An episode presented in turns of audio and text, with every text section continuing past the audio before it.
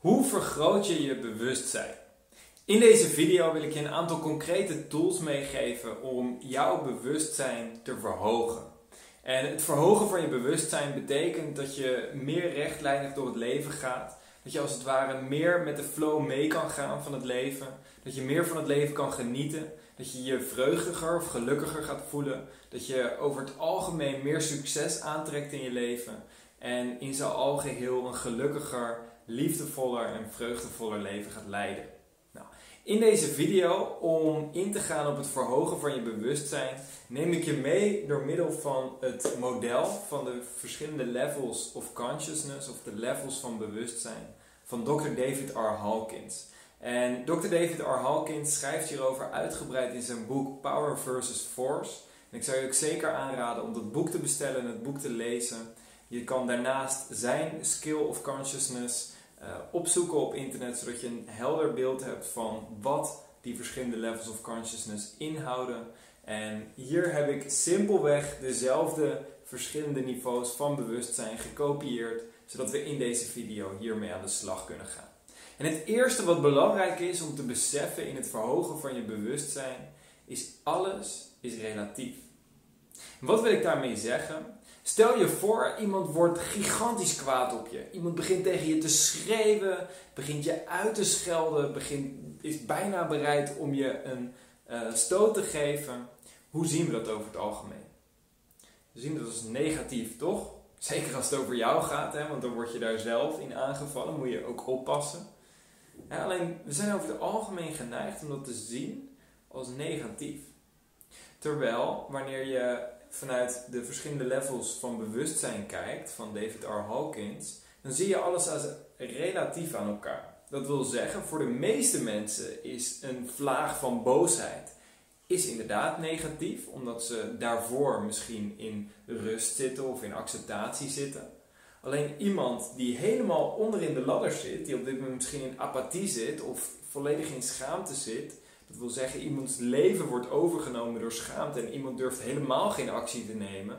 Dan kan soms een vlaag van boosheid kan best wel heel productief zijn. En want je kan je voorstellen, op het moment dat iemand boos wordt en daarbij een heleboel energie vrijmaakt, dat het de kans plotseling groter wordt dat iemand in ieder geval een actie neemt. Nou is boosheid over het algemeen heel destructief voor het leven om je heen. Alleen het is in ieder geval een actievere energie dan datgene wat helemaal laag zit. En het fascinerende daarin is ook dat de lagere levels van bewustzijn, dat die zichzelf vaak klem zetten.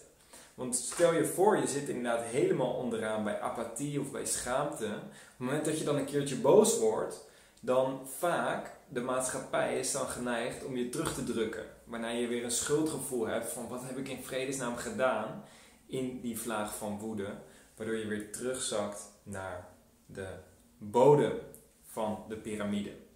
En de vraag is dan natuurlijk, oké, hoe ga je omhoog? Nou, als we beseffen dat alles relatief is, dan betekent dat ook dat wellicht om omhoog te stijgen in deze piramide, dat je relatief hebt te bekijken naar hoe sta ik er op dit moment voor in mijn leven en waar zit ik op dit moment in de niveaus van bewustzijn. En daarbij direct de side note, de auteur David R. Hawkins die beschrijft dat de meeste mensen een soort setpoint hebben, dat wil zeggen een algemeen punt waar je over het algemeen tussen heen en weer zweeft als het ware. En tegelijkertijd geloof ik dat ieder mens hiermee dus ook op en neer gaat. Dat wil zeggen dat je sommige momenten van je leven misschien in schaamte zal zitten. Of sommige momenten zal je wellicht in apathie zitten. We hebben allemaal wel eens die momenten gehad dat we voor de televisie hangen met een dikke zak chips in onze hand. En dat de weg van het bank naar de koelkast als een soort marathon voelt. dat is een moment waar je in apathie kan zitten. Maar dat wil niet zeggen dat je daar de rest van je leven ook in zit. We vibreren heen en weer tussen die verschillende niveaus van bewustzijn. Het wil zeggen dat vaak wanneer je omhoog wilt gaan in de levels van bewustzijn, dat je hebt te kijken naar, hey, wat is in ieder geval één stapje hoger? En over het algemeen kan je zeggen dat alles wat beneden het level van neutraliteit en rond de levels van trots en bereidheid, alles wat daaronder zit, dat noemt David R. Hawkins force. En dat is heel, heel geduld, heel gecontroleerd En vaak heel destructief voor de wereld om je heen en vaak ook voor jezelf. En force kun je over het algemeen oplossen door los te laten. dus schaamte door het los te laten, door het van je af te laten glijden. En uiteraard, wanneer je ergens hier zit, dan zeg je, oh simpel, dat kan je gewoon van je af laten glijden. Wanneer je hier zit, helemaal onderaan, dan kan dat gigantisch moeilijk ervaren worden, omdat je er dan middenin zit. Dus het is ook nog eens zo dat voor iets wat voor iemand die in liefde leeft of in vreugde leeft, gigantisch eenvoudig lijkt, kan voor iemand die in schaamte of in apathie leeft, kan als een marathon, als een onmogelijke opgave gezien worden. Dat is ook de reden dat deze niveaus vaak langs elkaar heen communiceren en elkaar vaak niet heel goed begrijpen. Wanneer twee mensen als het ware op een verschillende frequentie zitten, op een ander niveau zitten, snappen ze elkaar simpelweg niet. Nou goed, als je dan dus wil kijken om van schaamte naar apathie te gaan, bijvoorbeeld, heb je vaak los te laten. Los te laten van die schaamte. En dat kan betekenen dat je bijvoorbeeld vertelt over hetgene waar je voor schaamt. Dat je daarover deelt met andere mensen. Of zelfs dat je door middel van tranen het loslaat. Want hè, tranen, huilen is in heel veel gevallen een manier om los te laten. Om hoger te komen. Tenzij uiteraard het een patroon is om jezelf vast te zetten. Hè? Want een slachtofferrol, iemand die iedere dag helpt bijvoorbeeld, hè? en niks daartegen, dat kan ook productief zijn. Maar we weten allemaal wat ik hiermee bedoel, toch? Iemand die constant helpt vanuit een soort slachtofferrol, die houdt zichzelf daarmee eigenlijk alleen maar meer klem. Nou, vanuit apathie, hè, de, de sleutel om apathie op te lossen is uiteraard actie ondernemen. Het probleem is, wanneer iemand heftig in apathie vastzit, dan is actie ondernemen het laatste wat iemand wil in zijn of haar leven. Dat voelt dan als bizar. Stel je voor, bij een extreem geval van apathie moet je je voorstellen iemand die al jarenlang niet heeft gewerkt. En misschien als je deze video kijkt, misschien ben jij dat op dit moment.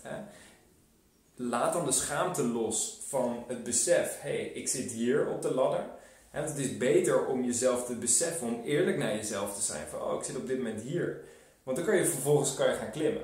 Als je het ontkent en zegt, nee, nee, nee, ik zit in vrede, ik accepteer alles. Maar vervolgens voel je jezelf helemaal niet goed. Iemand die in vrede zit, die, die, die, die zweeft als het ware door het leven. Die steekt andere mensen aan met zijn of haar positiviteit. En andere mensen komen naar diegene toe zonder dat diegene dat zelf wil om om hulp en advies te vragen.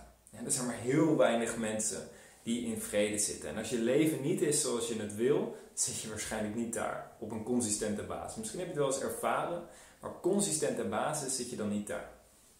Nou, om van apathie dus omhoog te komen is vaak jezelf motiveren om actie te nemen. Daarvoor kan het goed zijn om jezelf te omringen met de juiste mensen. Of om in ieder geval een stap te nemen. En maak het jezelf niet te zwaar, maar neem een stap.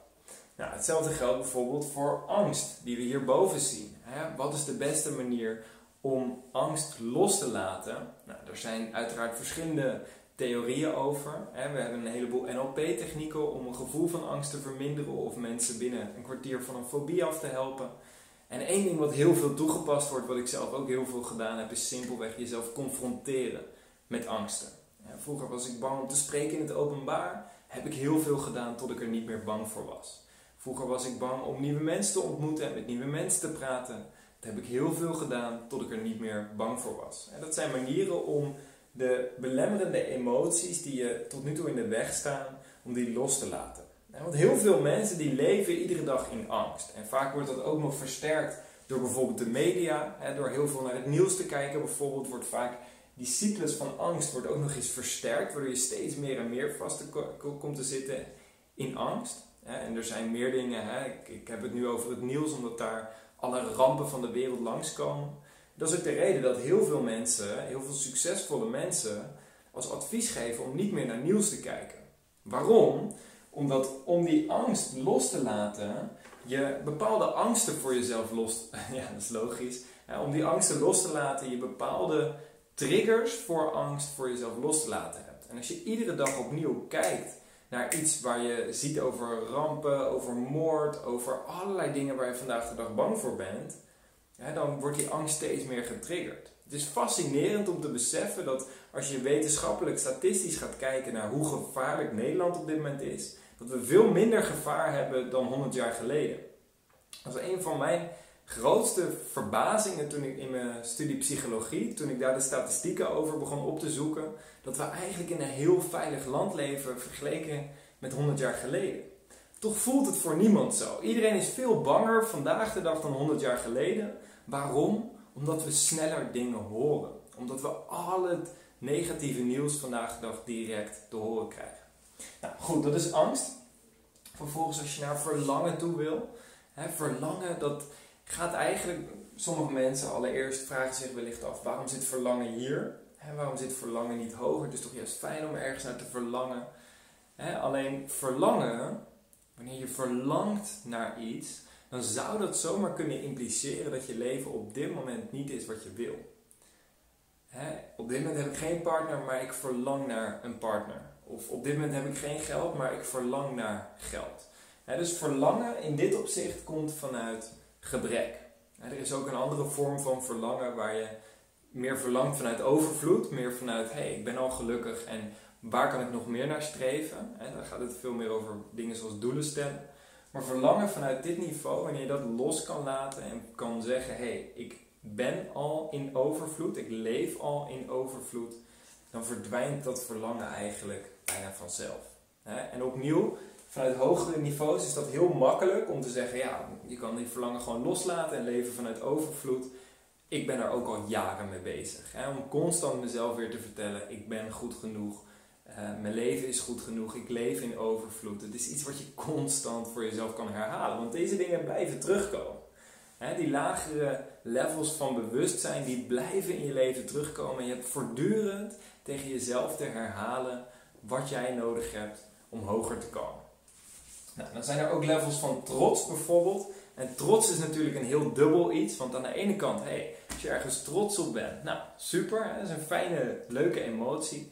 Tegelijkertijd, trots impliceert heel vaak dat je iemand anders naar beneden haalt. om goed te zijn moet iemand anders slecht zijn. Om je trots te voelen op je grote mooie nieuwe huis moet iemand anders een minder groot mooi nieuw huis hebben. dus trots gaat ook heel erg over hey, mijn trots, het op de borst slaan als het ware. En vandaar dat trots bijna een neutrale emotie is, maar toch nog enigszins vanuit force komt. Omdat het nog enigszins die vaste emotie zit, wat eigenlijk meer in strijd is met de wereld in plaats van met de flow mee en in vrede. Dus opnieuw om te stijgen in je levels van bewustzijn en gelukkiger te worden, meer liefde te ervaren, heb je die trots grotendeels los te laten. En soms betekent dat ook om bijvoorbeeld minder op te scheppen. Als je weet dat je iets heel gaafs hebt meegemaakt, om jezelf dan af te vragen: wil ik dat op dit moment vertellen? Omdat ik er echt gewoon enthousiast over ben, omdat ik wil delen in positieve emoties. Of wil ik dat vertellen om mezelf een stapje omhoog te doen zetten in de ogen van anderen? Hè, om een indruk te maken op andere mensen. Want als dat zo is, dan communiceer je waarschijnlijk op dat moment vanuit trots. Nou, dan hebben we vervolgens ook iets zoals neutraliteit. En neutraliteit, dat wil eigenlijk een beetje zeggen, het is wel goed zo. Het is oké. En het fascinerende is, neutraliteit is aan de, andere kant, aan de ene kant een heel mooi iets, hè, want het zit tussen force en power in. Dus dat wil zeggen, het is niet meer schadelijk voor de wereld en er is minder strijd wat eraan te pas komt. Tegelijkertijd, als je bekend bent met de wereld van persoonlijke ontwikkeling, heb je vast wel eens de uitspraak gehoord Good is the enemy of the great. En dat is heel vaak wat er voor neutraliteit in de weg staat. mensen die echt vastzitten in hun leven, hebben ingedeeld in neutraliteit, die hebben vaak een oké leventje.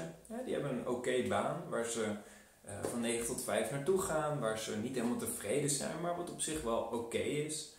Waar ze niet ongelukkig zijn. En ze hebben een partner waar ze niet ongelukkig mee zijn, waarmee het wel gezellig is. En um, nou ja, je begrijpt waar ik het over heb. En dus neutraliteit is een beetje de de oké, weet je, het gaat allemaal, ja het gaat, hè, ik, ik overleef.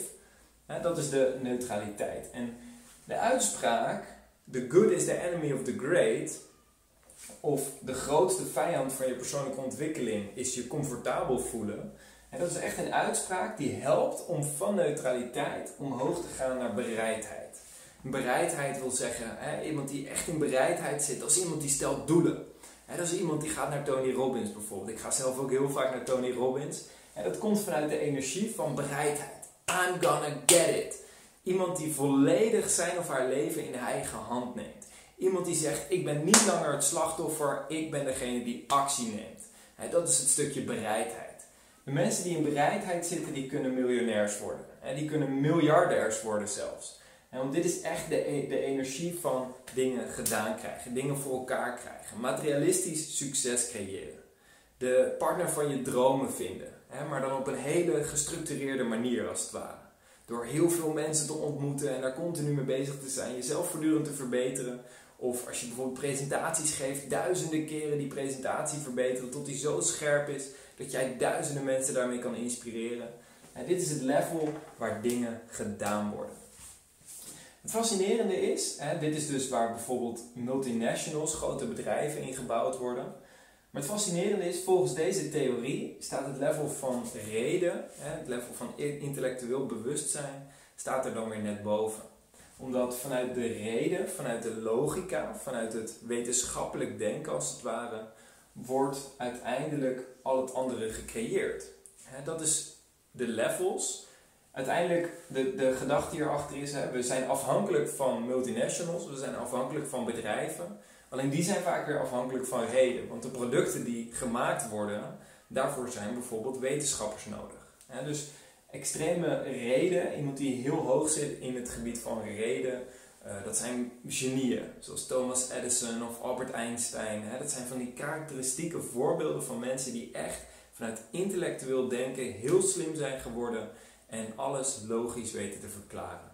Nou, als je daar vervolgens, hè, dus hoe kom je daar? Nou, simpelweg veel boeken lezen, veel studie doen. En niet alleen boeken lezen, hè, want in bereidheid, mensen die rijk worden, dat zijn ook vaak mensen die heel veel boeken lezen, heel veel boeken over persoonlijk succes mensen die richting reden beginnen te gaan, die gaan vaak meer richting leren om het leren.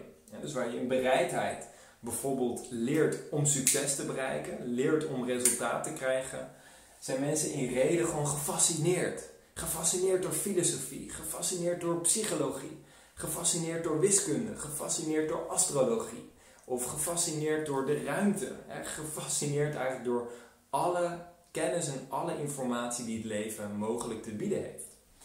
Nou, wanneer je dan verder omhoog gaat, dan kom je richting liefde. En liefde, hè, vaak waar je ook zit, standaard in dit model, we hebben hopelijk allemaal wel eens een gevoel van liefde ervaren. En voor veel mensen is dat het mooiste wat ze in hun leven ervaren. Liefde voelen voor een ander is een prachtig iets. Het is iets waar we bijna allemaal blij van worden, gelukkig van worden. Het fascinerende is dat volgens deze theorie mensen die echt standaard in de liefde zitten en zeker hoog in die liefde zitten, die kunnen als het ware een soort onvoorwaardelijke liefde voelen voor alles om zich heen.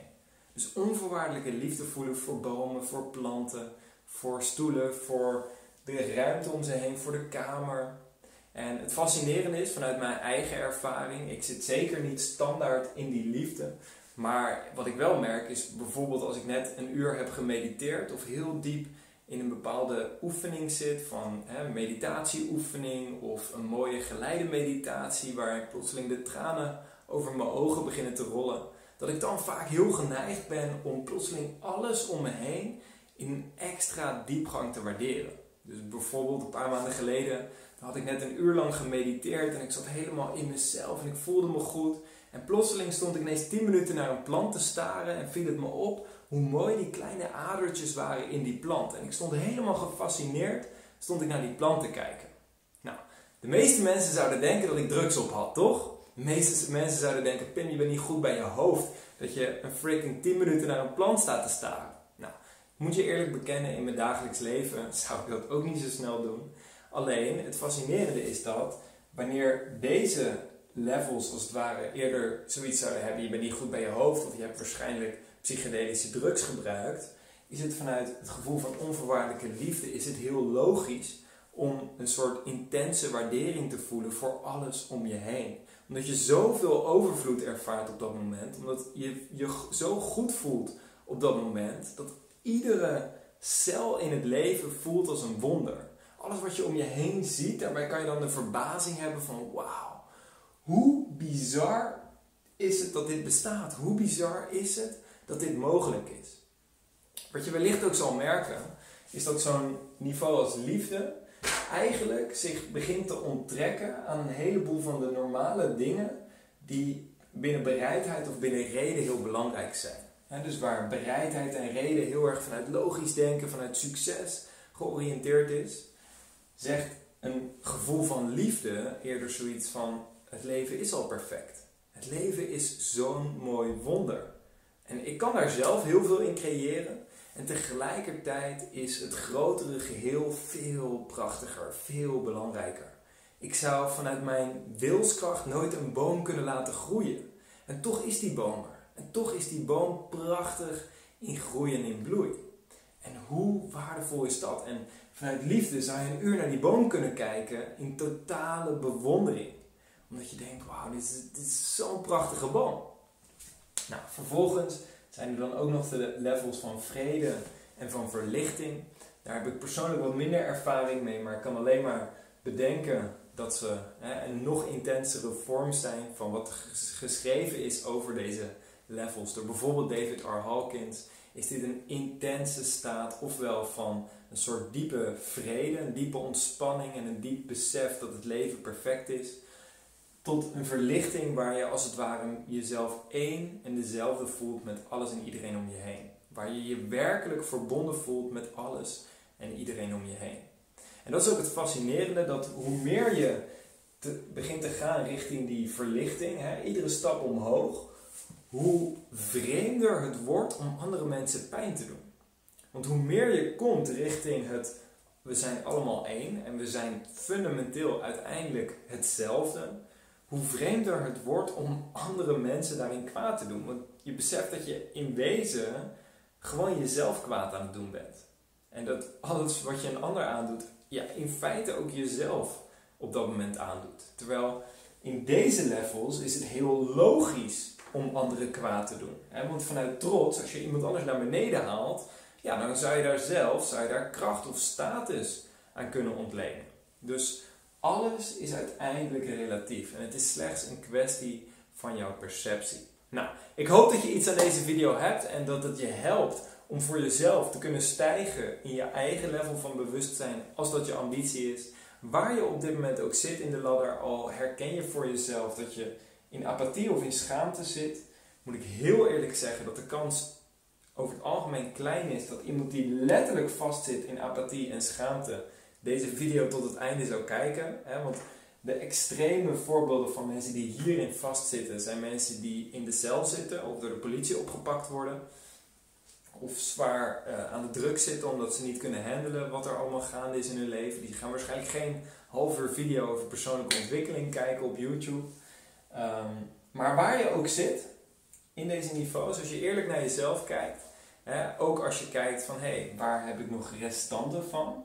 Want je kunt zeggen, nou, ik zit over het algemeen hier, maar hè, als ik bijvoorbeeld naar mezelf kijk, ik heb nog wel resten van angst. Hè, niet zozeer angst om te spreken op het, in het openbaar of angst om mensen op te bellen. Die angst heb ik over het algemeen uh, overwonnen. Hoewel ik nog wel iets voel, heb ik daar geen last meer van. Maar er zijn zeker nog wel bepaalde diep gewortelde angsten die nog wel ergens in mij zitten. En ik geloof dat als je tegen jezelf zegt: Ik heb geen angst, hè, ik ben verlost van angst. Als je geen multimiljonair bent of uh, totaal verlicht in liefde en vrede leeft en in connectie bent met het alles en jezelf verbonden voelt met alles, dan heb je waarschijnlijk nog wel angst.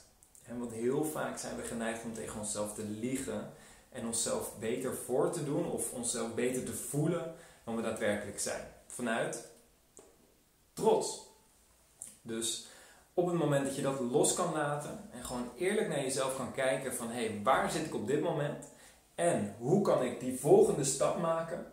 Er zijn in het originele model zijn een aantal extra stappen. Ik heb voor de simpliciteit voor deze video een aantal van de stappen tussendoor weggehaald. Ik raad je bij deze sterk aan om sowieso het boek Power vs. Force te lezen en om de Skill of Consciousness van David R. Hawkins op te zoeken als afbeelding. Print hem uit, hang hem aan je muur, zodat je ernaar terug kan kijken en voor jezelf bewust kan zijn in welk niveau zit ik nu en hoe kan ik mijn eigen bewustzijn doen vergroten. Bij deze, ik hoop dat je iets geleerd hebt van deze video, dat je hier concreet mee aan de slag gaat en ik zie je graag in een volgende video. Ciao!